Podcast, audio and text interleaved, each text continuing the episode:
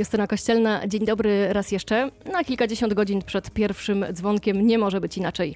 W zebraniu rodziców będziemy dziś rozmawiać o tym, jak nie osiwieć przy odrabianiu lekcji z naszymi dziećmi oraz, i to jest być może jeszcze ważniejszy wątek, jak je motywować, żeby same z radością sięgały po treny Kochanowskiego. W studiu razem ze mną fantastyczni goście, pedagog Anna Ciszewska, dzień dobry. Dzień dobry. Oraz Marta Łuszczek, zawodowo zajmująca się udzielaniem korepetycji z nauk ścisłych. Witam. Dzień dobry.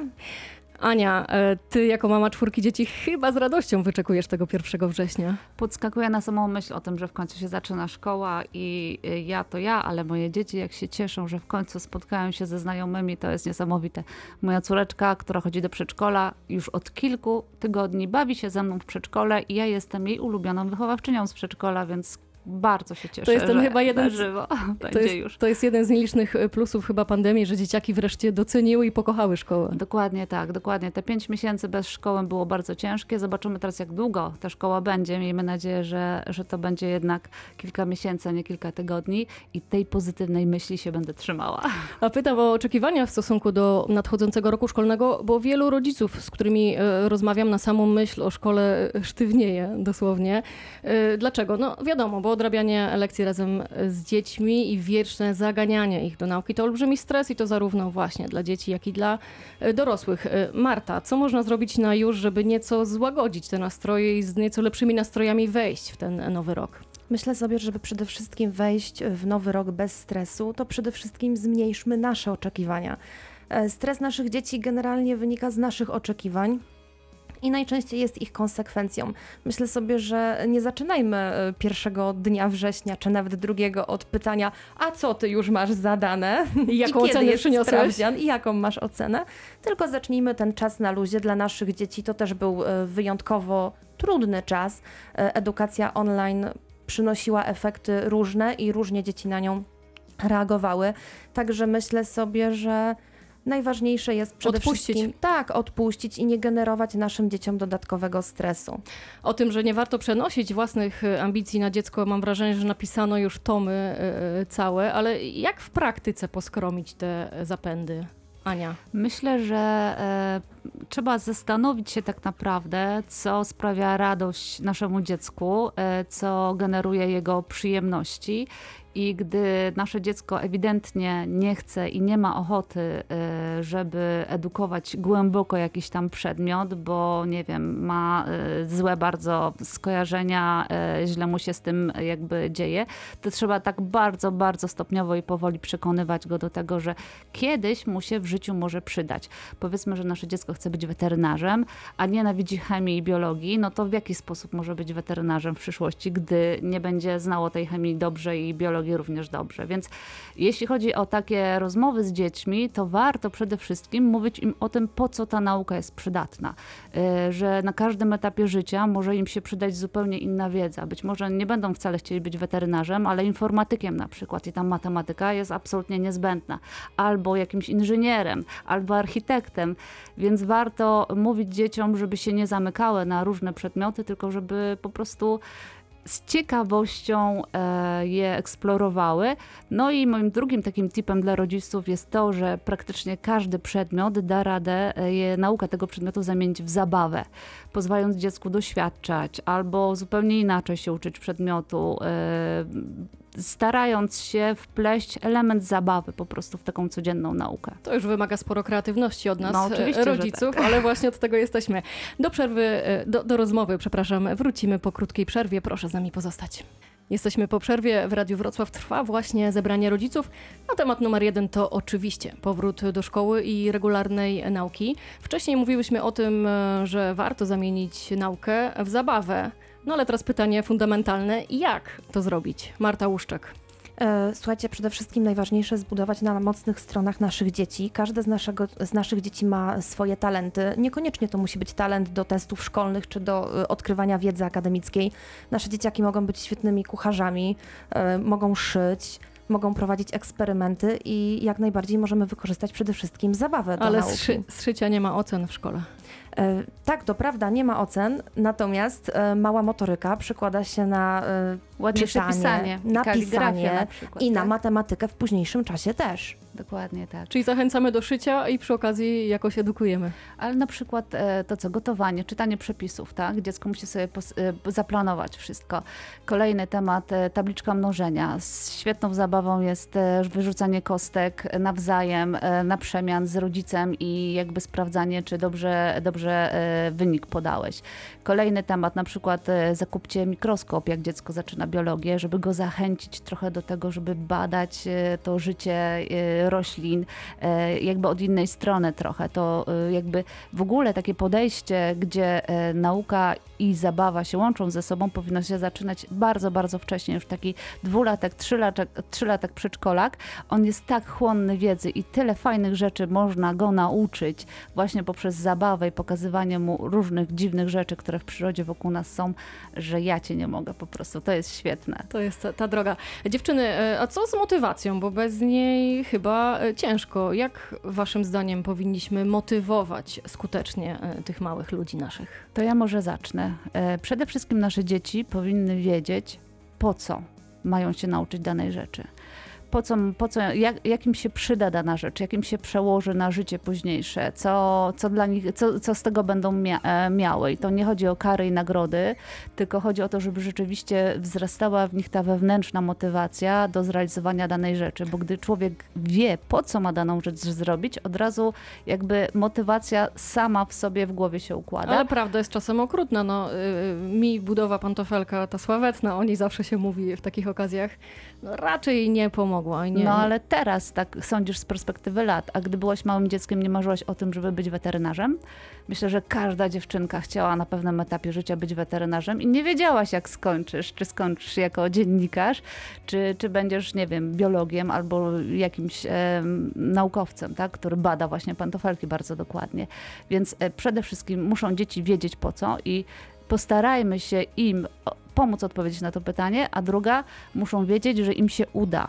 Tak? Czyli, że są w stanie nauczyć się danej rzeczy i że nie ma żadnych przeszkód, żeby tą wiedzę jakby przyjęły, że w głowie nie ma żadnych przeszkód. To ważne zadanie dla nas chyba, żeby dopasować oczekiwania do poziomu dzieci. Marta Łuszczek, ty się zawodowo zajmujesz udzielaniem e, korepetycji.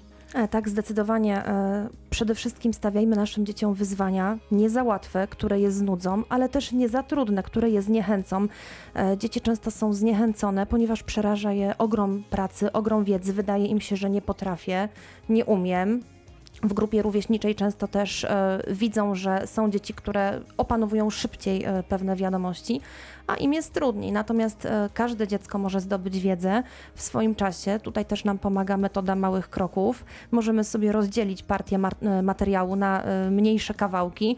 Dużo łatwiej jest wejść na drzewo po kawałku, po kolejnych gałęziach, niż od razu z ziemi wskoczyć na sam czubek, prawda? Zgadzasz się ze mną? Czyli zjedz słonia po kawałku. Zgadzam się. O, tak. My po małym kawałeczku w takim razie zbliżamy się do przerwy, ale do rozmowy wrócimy po 14.30. Proszę z nami pozostać. Wracamy do rozmowy e, o motywacji. Nowy rok szkolny już na horyzoncie, a wraz z nim odwieczne dylematy rodziców. Czy pomagać w nauce? A jeżeli tak, to w jakim e, stopniu? Pytanie do Was, dziewczyny, bo w studiu razem ze mną Anna Ciszewska, pedagog i Marta Łuszczek, zawodowa korepetytorka. Jak bardzo powinniśmy mm, ingerować w proces nauki naszych e, dzieci? Ania. Ja myślę, że mądry rodzic to jest taki, który nie kontroluje, tylko wspiera i towarzyszy swoje, e, swojemu dziecku w, jakby w edukacji, tak? Czyli w praktyce? Co, co masz na myśli? Co mam na myśli w praktyce? W praktyce, jeśli jesteś kontrolerem swojego dziecka, to wieczorem zadasz mu pytanie, ej, spakowałeś plecak? I gdy nie spakował tego plecaka, mm, wiedziałam, nie spakowałeś plecaka. Widzisz, nie potrafisz nawet pamiętać o plecaku. To jest kontroler. A e, osoba, która wspiera dziecko i jakby towarzyszy mu w tej edukacji, to, to pytanie zada w taki sposób, e, że dziecko nie poczuje się kontrolowane, e, tylko jakby dajemy dziecku szansę też na to, że mogło zapomnieć, dajemy mu szansę na to, że miało ciężki dzień, że dużo się działo w ciągu tego dnia i, i też mogło zapomnieć, tak? Czyli po prostu, kochanie, idę robić kolację, a ty pójdziesz spakować plecak, tak? W zupełnie w inny sposób zadane pytanie tej samej treści, inna tonacja spowoduje, że dziecko nie będzie się czuło kontrolowane. A wieczorem tak naprawdę, gdy zamiast tego pytania możemy pójść zobaczyć, czy ten plecak jest spakowany i czy wszystkie rzeczy są włożone, to, to jakby swoją drogą też można kontrola zrobić. z dystansu. Szczególnie jeśli mamy takie dziecko, które rzeczywiście bardzo dużo, dużo rzeczy zapomina, nie? To, to na pewno warto jeszcze raz y, sprawdzić. Ale czy my, rodzice, powinniśmy y, brać na siebie odpowiedzialność i, i uczyć się razem y, z dziećmi? Bo wielu z nas ma takie zapędy, takie zakusy. Tak my też byliśmy wychowywani. Marta. Powinniśmy oddawać naszym dzieciom odpowiedzialność. E, dzieci lubią czuć sprawczość, e, chcą być dumne z tego, co same zrobiły, same wymyśliły. To, co powiedziała Ania, e, pozwala nam pracować z dziećmi w atmosferze wzajemnego zaufania. Mm, w tej pracy ważne jest też to, żeby pozwolić dzieciom się pomylić. Błędy nie są niczym złym, zgadzacie się ze mną, Oczywiście. prawda? E, dzieci uczą się na błędach. E, Najlepiej wtedy się Dzieci uczą, z tak natury tak kochają eksperymentować i próbować. W to wpisana jest również kultura e, błędu, tak? Taki eksperyment, że sama jedynki przyniosę z matmy, to też uznajecie za, za udany? Pytanie, e, jakby co rzeczywiście ty jako rodzic czujesz e, z tym, jeśli twoje dziecko przyniesie jedynki, jeśli jesteś w stanie zapanować nad swoim poczuciem gniewu i złości i tak dalej i e, siądziesz do rozmowy z dzieckiem bez tych negatywnych uczuć z tyłu głowy, tylko jakby słuchaj, jestem tutaj, żeby ci pomóc, masz pałę, trzy z matmy i, i co dalej? Co ty sądzisz? Co z tym zrobisz? To, tak? co powiedziała też e, Ania tutaj, tutaj e, bardzo ważne jest właśnie zaufanie do naszych dzieci. W jedynce nie ma niczego złego, jeśli omówimy okay. temat, e, zapytamy naszego dziecka, jak możemy mu pomóc, co jeszcze mogłoby mu pomóc. Jedynka jak jedynka, tak? Jedynka to jak piątka, ocena. to jest tylko ocena, to nie ocenia naszego dziecka, tylko ocenia proces. Mhm, Czyli odrzucamy e, oceny, nie przywiązujemy do nich takiej e, wagi. To Przede wszystkim wielu... musimy zmienić nasze przekonania jako rodziców, bo nam się wydaje, że jedynka to jest koniec świata i nasze dzieci najlepiej jakby miały tylko e, czwórki, piątki i szóstki, wszak jak przychodzi Wigilia, same rozumiecie, wszyscy kochają się chwalić, tak? Jak to mhm. naszym dzieciom fantastycznie w tej szkole idzie. A czy to jest tak naprawdę w życiu ważne? To właśnie jest, chodzi o to, żeby te swoje ambicje jako rodzica gdzieś tam zepchnąć z tyłu głowy głęboko i bardziej się skupić na to, co dziecko chce, co potrzebuje, co mu będzie przydatne w życiu. Czyli nie, ja chcę powiedzieć moim rodzinie i znajomym, że mam piątkowego ucznia i chwalenie się paskiem na przykład na Facebooku to jest w ogóle jakaś totalna absurd według mnie.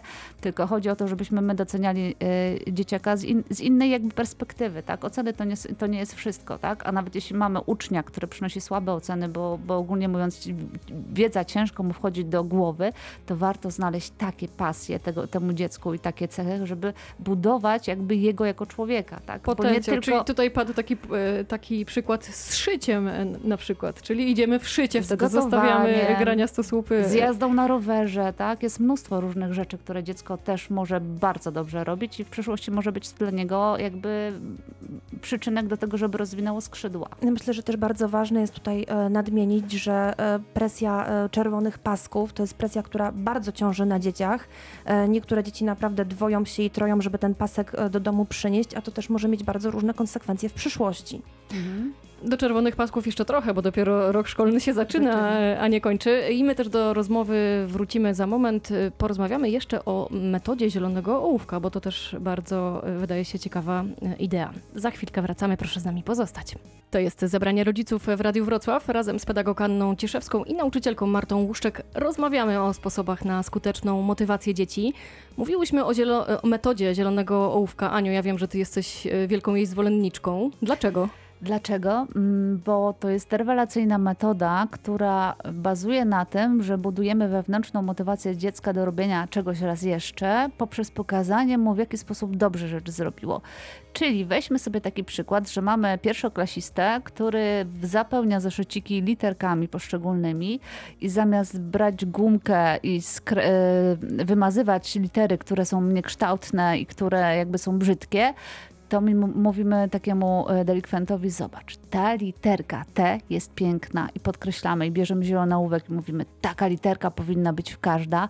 Bardzo dobrze ci ta literka wyszła. I to właśnie jest metoda zielonego ołówka. Czyli zielony zamiast... w kontrze do czerwonego. Dokładnie, czyli zamiast szukać błędów, szukamy tych miejsc, które są fajne, które są dobre. Gdy przychodzi do nas córa, która mm, przynosi klasówkę, e, z, gdzie są, nie wiem, cztery zadania źle zrobione, ale sześć jest dobrze, to skupmy się na tych sześciu zadaniach, że dobrze jej poszło po prostu. Tak? I od tego możemy zacząć rozmowę, gdzie potem możemy powrócić do tematu, jakby tych czterech e, zadań, które zostały źle zrobione. Czyli trochę wracamy do wątku, żeby jednak odpuszczać dzieciakom i nie piłować, mówiąc kolokwialnie. Dokładnie. Tak, e, ja tutaj do metody zielonego ołówka też bym jeszcze dodała. Tak samo możemy zrobić z czytaniem, tak? Nie koncentrujmy się na tym, które słowo nasze dziecko wydukało, tylko pokażmy mu, które słowo przeczytało e, świetnie. Mhm. Tu możemy znowu wprowadzić elementy e, zabawy i bawić się, że reszta wyrazów również chce dorównać wyrazowi mama, tak? I też chce być tak, tak dokładnie przeczytanym. Z literkami tutaj, czy z przykładami w matematyce możemy sobie wybierać również królową literek, tak? Na przykład. I cała reszta Super. też chce do królowej e, dorównać. Także zabawa, zabawa i zabawa, tym bardziej im młodsze dziecko, tym wprowadzajmy więcej tej zabawy. Nie wprowadzajmy już pierwszoklasist, e, pierwszoklasistom stresu, że oni już tu i teraz muszą.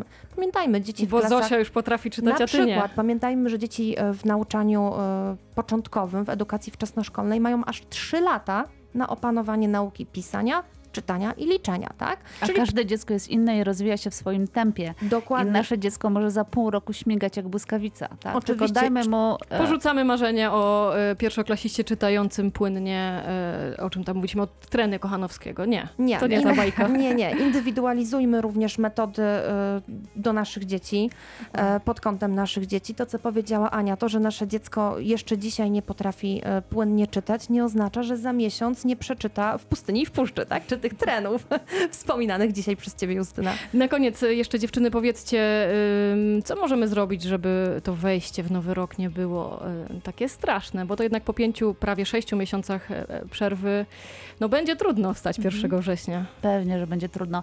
Ja myślę, że w ogóle załóżmy z, od razu, że będą korki, że dziecko nie będzie gotowe zjeść śniadania, bo przez ostatnie pół roku jadło śniadanie dwie godziny po wstaniu, a teraz 15 minut po pobudce to ten mały brzuszek jeszcze nie będzie gotowy na przyjęcie pokarmu, że powinniśmy my wstać też odpowiednio wcześnie i to nie tylko pierwszego dnia, tylko przez kolejne dni, żeby zdążyć z dzieckiem się przytulić, bo poranek mówi o całym naszym dniu. Czyli jeśli my wprowadzimy nerwową atmosferę, jeśli będziemy się spóźniali cały czas, to spowoduje, że nasze dziecko będzie niepewne siebie, nie będzie jakby czuło tego powera takiego związanego z pozytywem od samego ranka. Czyli my wstajemy wcześniej, budzimy nasze dziecko przyjemnie, przytulamy się do niego, po to, żeby i jemu, i sobie zrobić ten dzień bardzo, bardzo miłym.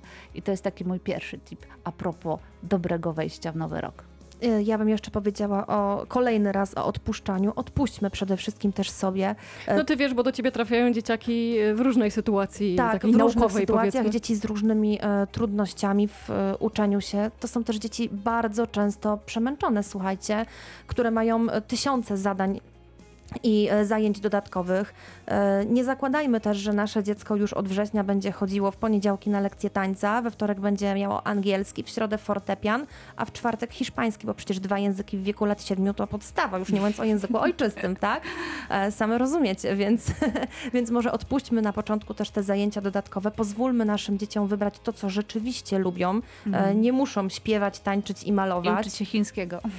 Dokładnie, odpuśćmy sobie. To tutaj e, też Ania powiedziała o tych e, porankach. Pamiętajmy, że udany poranek zaczyna się wieczorem. Dokładnie. Więc wieczorem czyli... przygotujmy z naszym dzieckiem to, co możemy. Niech ten nasz młodszak spakuje wieczorem plecak, po to, żeby rano nie wprowadzać sobie nerwowej atmosfery, a sami wstańmy wcześniej, wypijmy 15 minut e, wcześniej kawę i wejdźmy w dzień z uśmiechem i obudźmy nasze dziecko z uśmiechem, a nie już z nerwową atmosferą i poganianiem, że my już musimy do tej szkoły zdążyć. Czyli dwa głębokie oddechy tutaj w zebraniu rodziców. Bardzo często ta rada e, pada. E, relaksujemy się i z nadzieją, optymizmem wchodzimy w nowy rok szkolny, po prostu. Anna Ciszewska, pedagog, Marta Łuszczek, zawodowa korepetytorka, były dzisiaj moimi gośćmi. Bardzo Wam dziękuję. Dziękujemy pięknie. Dziękujemy. Powodzenia. A Państwu dziękuję za uwagę. Słyszymy się już za tydzień. Justyna Kościelna, kłaniam się nisko.